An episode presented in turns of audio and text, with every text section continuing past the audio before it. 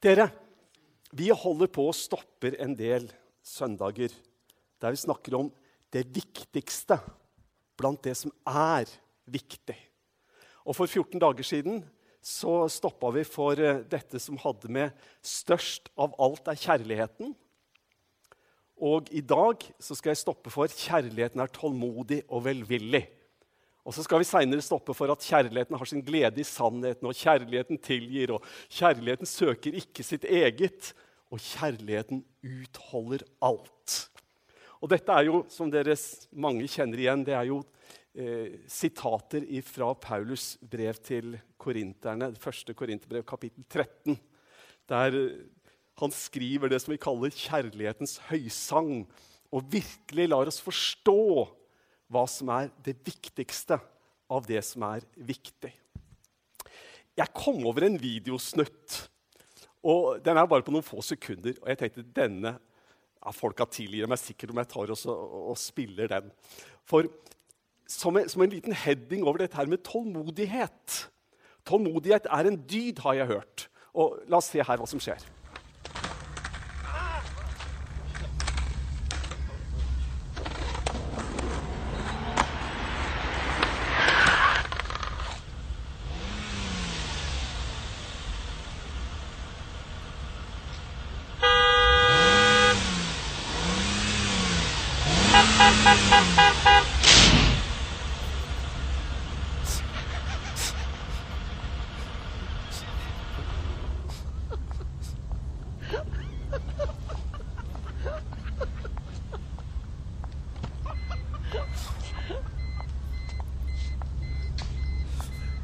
Den, den blir visst kalt handbag versus airbag. Og Det er jo en, eh, selvfølgelig en dekkende tittel.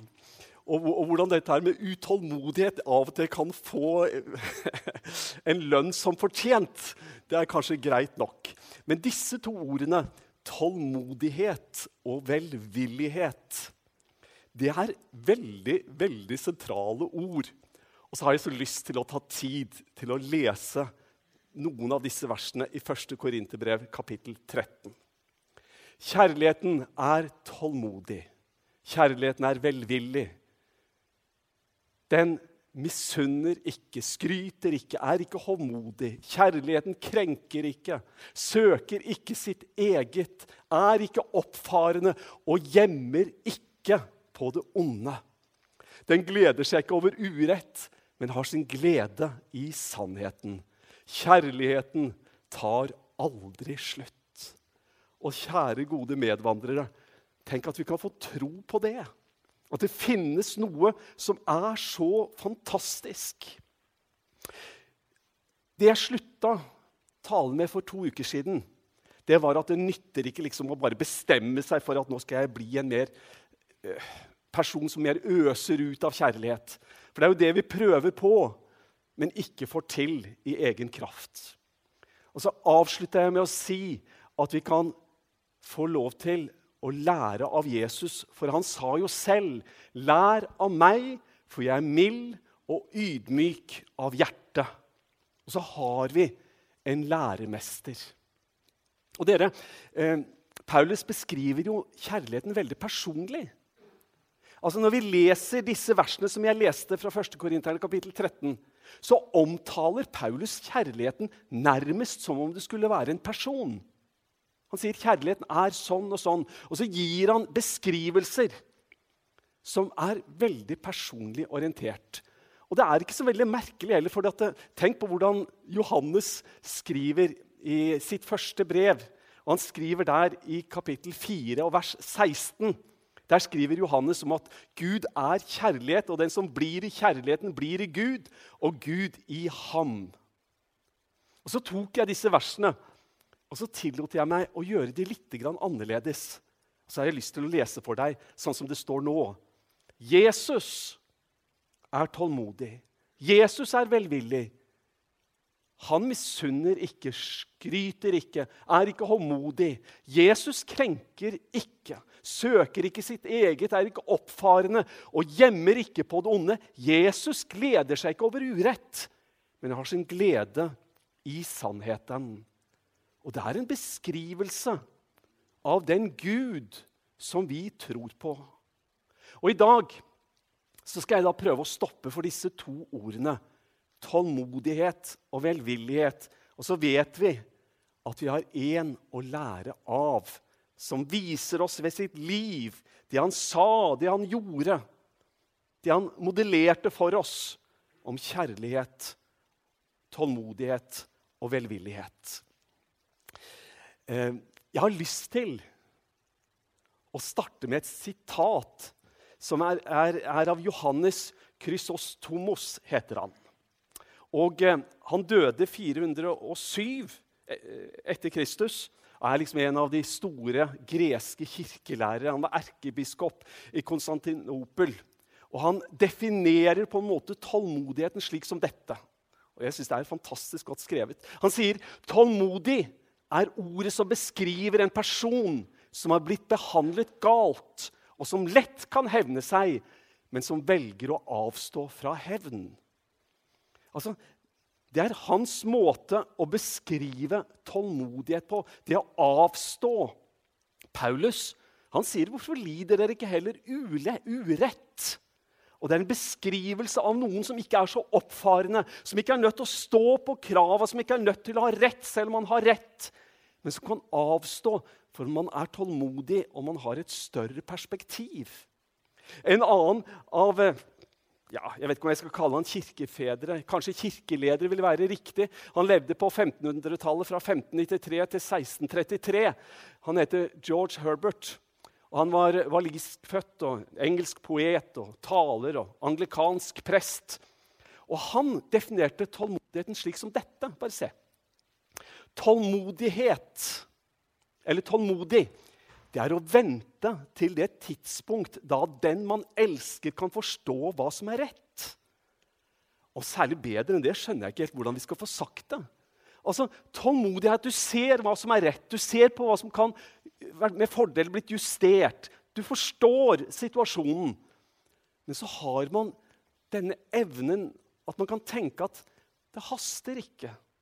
Man kan vente med, med å si det som skal sies, til den man elsker, den som trenger å høre det, til vedkommende er klar og kan forstå hva som blir sagt, og at det bygger opp og ikke bare river ned.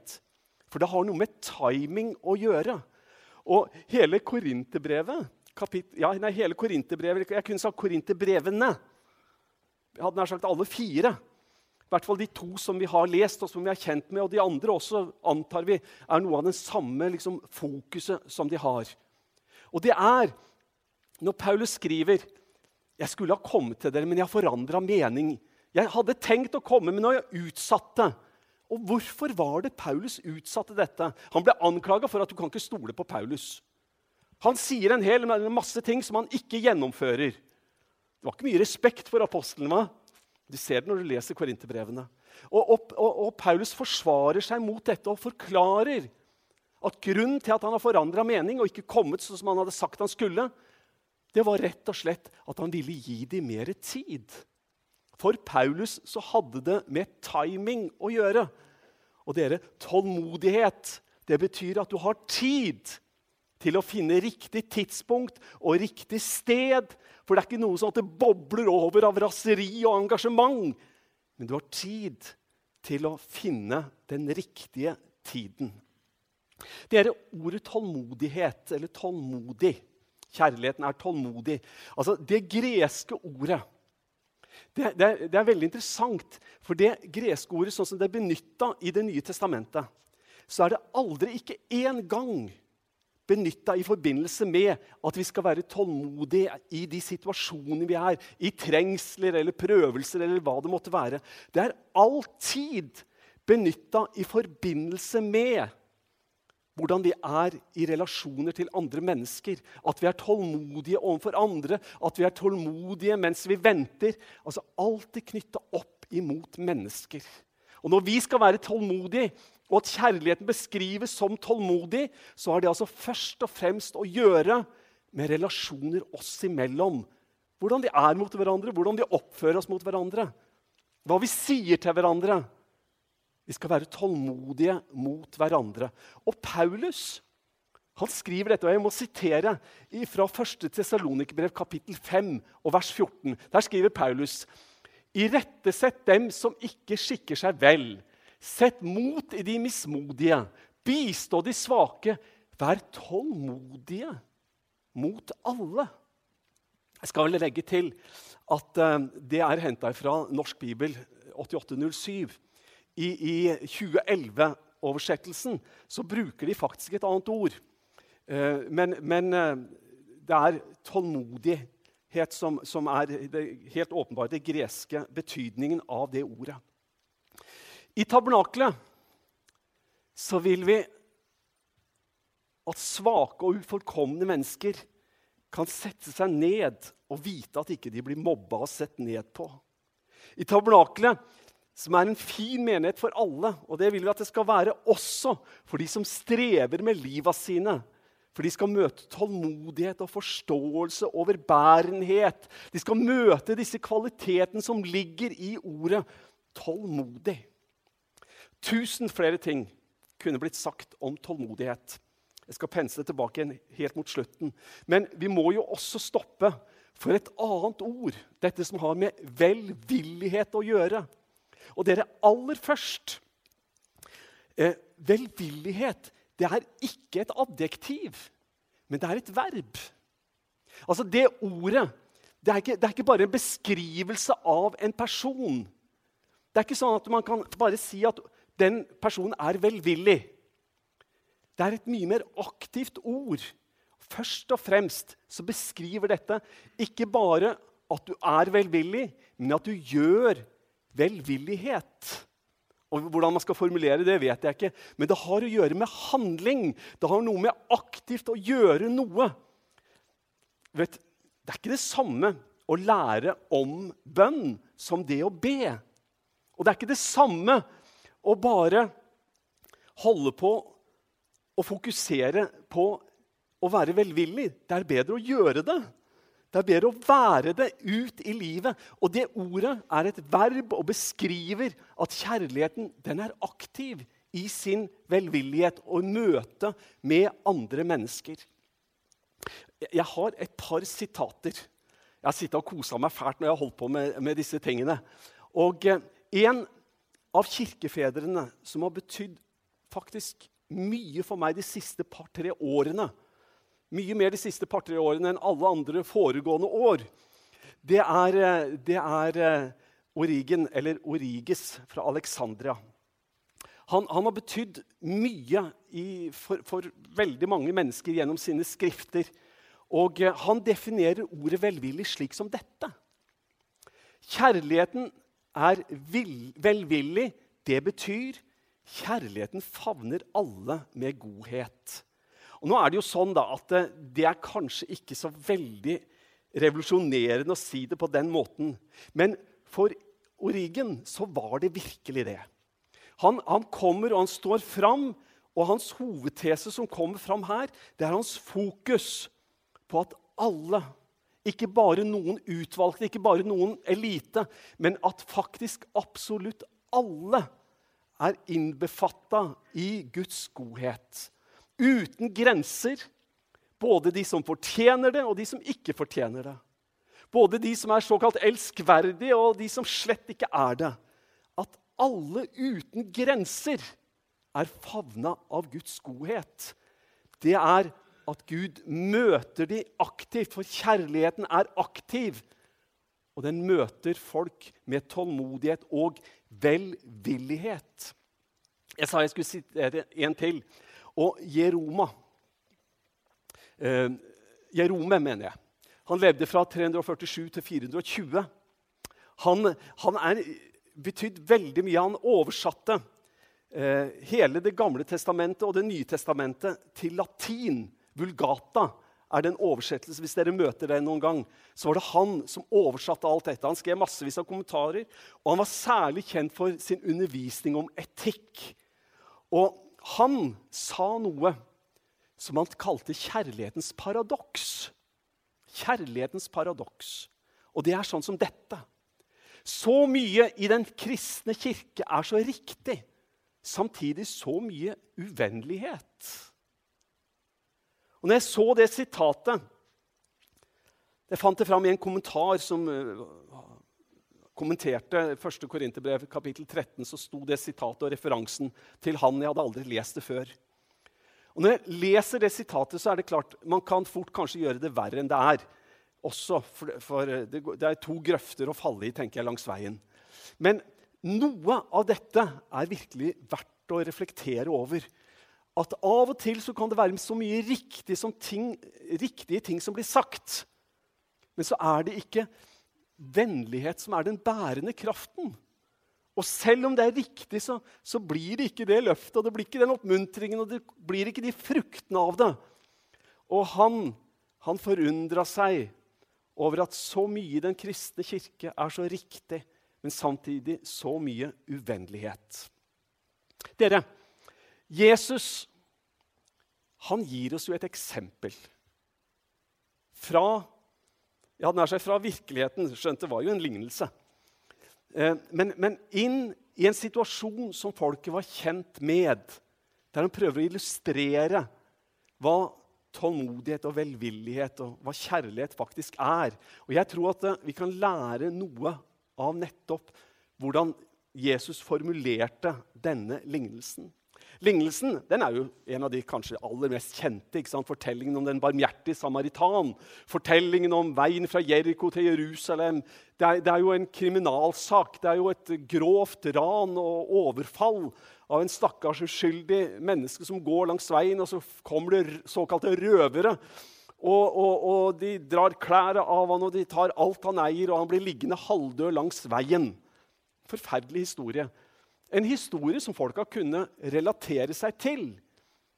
Veien var berykta, den. Så det var ikke tilfeldig at Jesus snakka om fra Jeriko til Jerusalem. Det var en berykta feil, det var en vei, det var en farlig strekning. Og så hadde dette skjedd nå i denne fortellingen som Jesus forteller om her.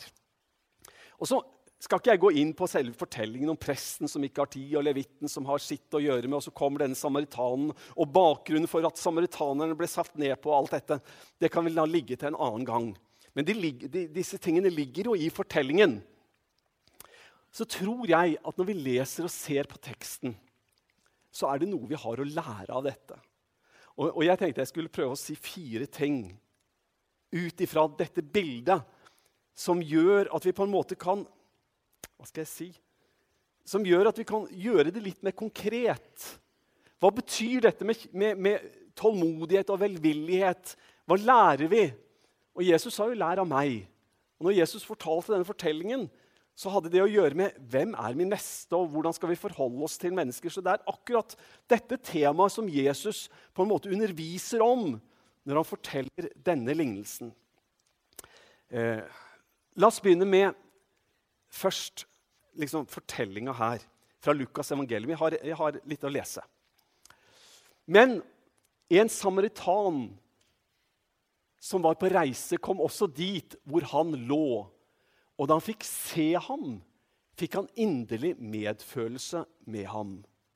Og som dere ser, så har jeg ringa rundt med rødt 'Se han'. For jeg tror faktisk, i all sin enkelhet så er det nokså vesentlig. Noen mennesker er flinke til å se andre.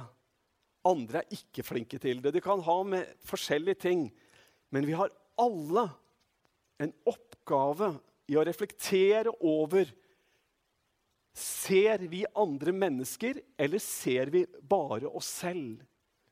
Det er noen som er veldig sånn innadvendt og ser bare seg selv og tenker bare på seg selv. Og først meg selv, og så meg selv, og så meg selv igjen. Og så min neste, hvis det tjener til mitt eget beste, er en regle som jeg en gang hørte. Men her ser vi en som er ute på reise, og så ser han en person som er i nød.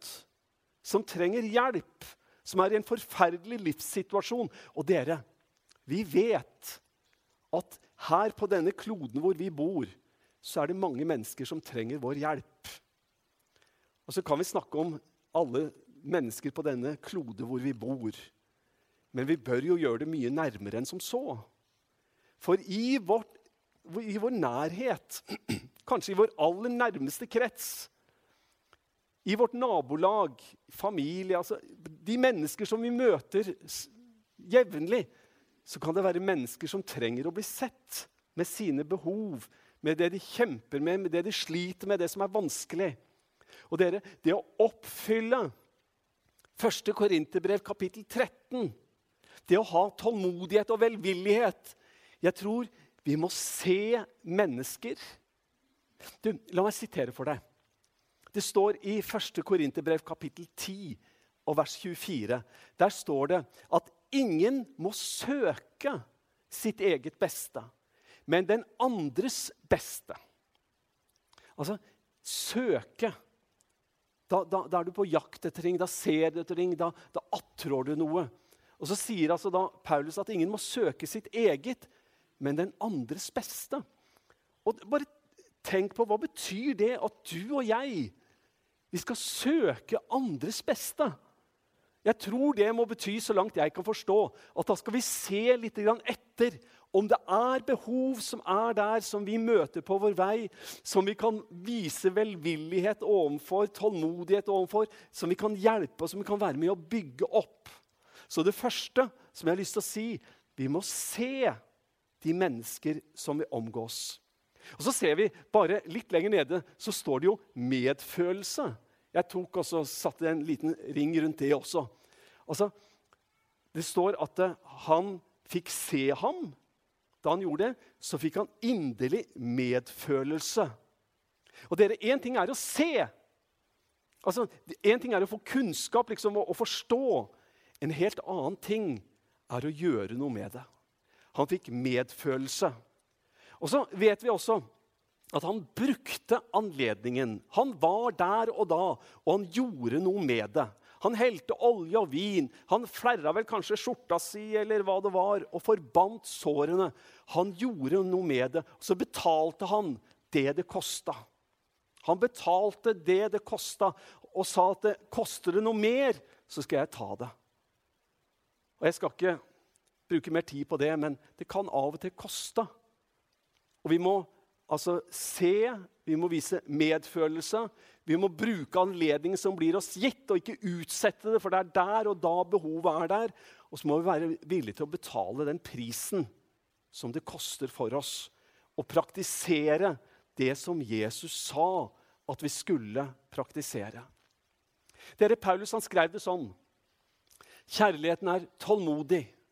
Kjærligheten er velvillig. Den misunner ikke, skryter ikke, er ikke håndmodig. Kjærligheten krenker ikke, søker ikke sitt eget, er ikke oppfarende og gjemmer ikke på det onde. Den gleder seg ikke over urett, men har sin glede i sannheten. Kjærligheten tar aldri slutt. Og så skal vi få lov til å tenke på at vi skal se, vi skal vise ekte medfølelse. Vi skal bruke de anledninger som blir oss gitt, og vi skal være villige til å betale den prisen som det måtte koste, også for oss. Og vise tålmodighet og velvillighet overfor hverandre. I Jesu navn. Amen.